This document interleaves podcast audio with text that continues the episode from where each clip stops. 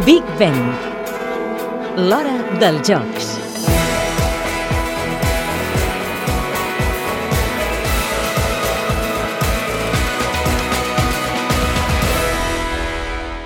Recordeu pel·lícules com ara Trainspotting, Slamdog Millionaire, La platja i 28 dies després?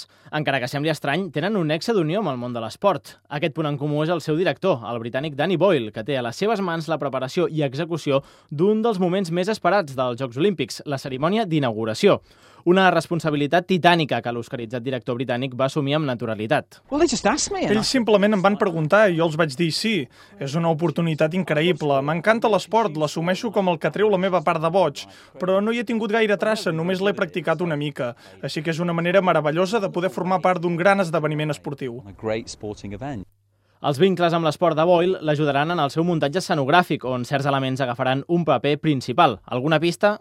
The biggest worry La we have- preocupació que tenim és la meteorologia. Tindrem una mica de pluja a l'estadi tant si plou com si no. Vam pensar que no podíem deixar viure la cerimònia d'inauguració sense una mica de pluja, però esperem que sigui el dia més bonic del món. La pluja és el tema principal.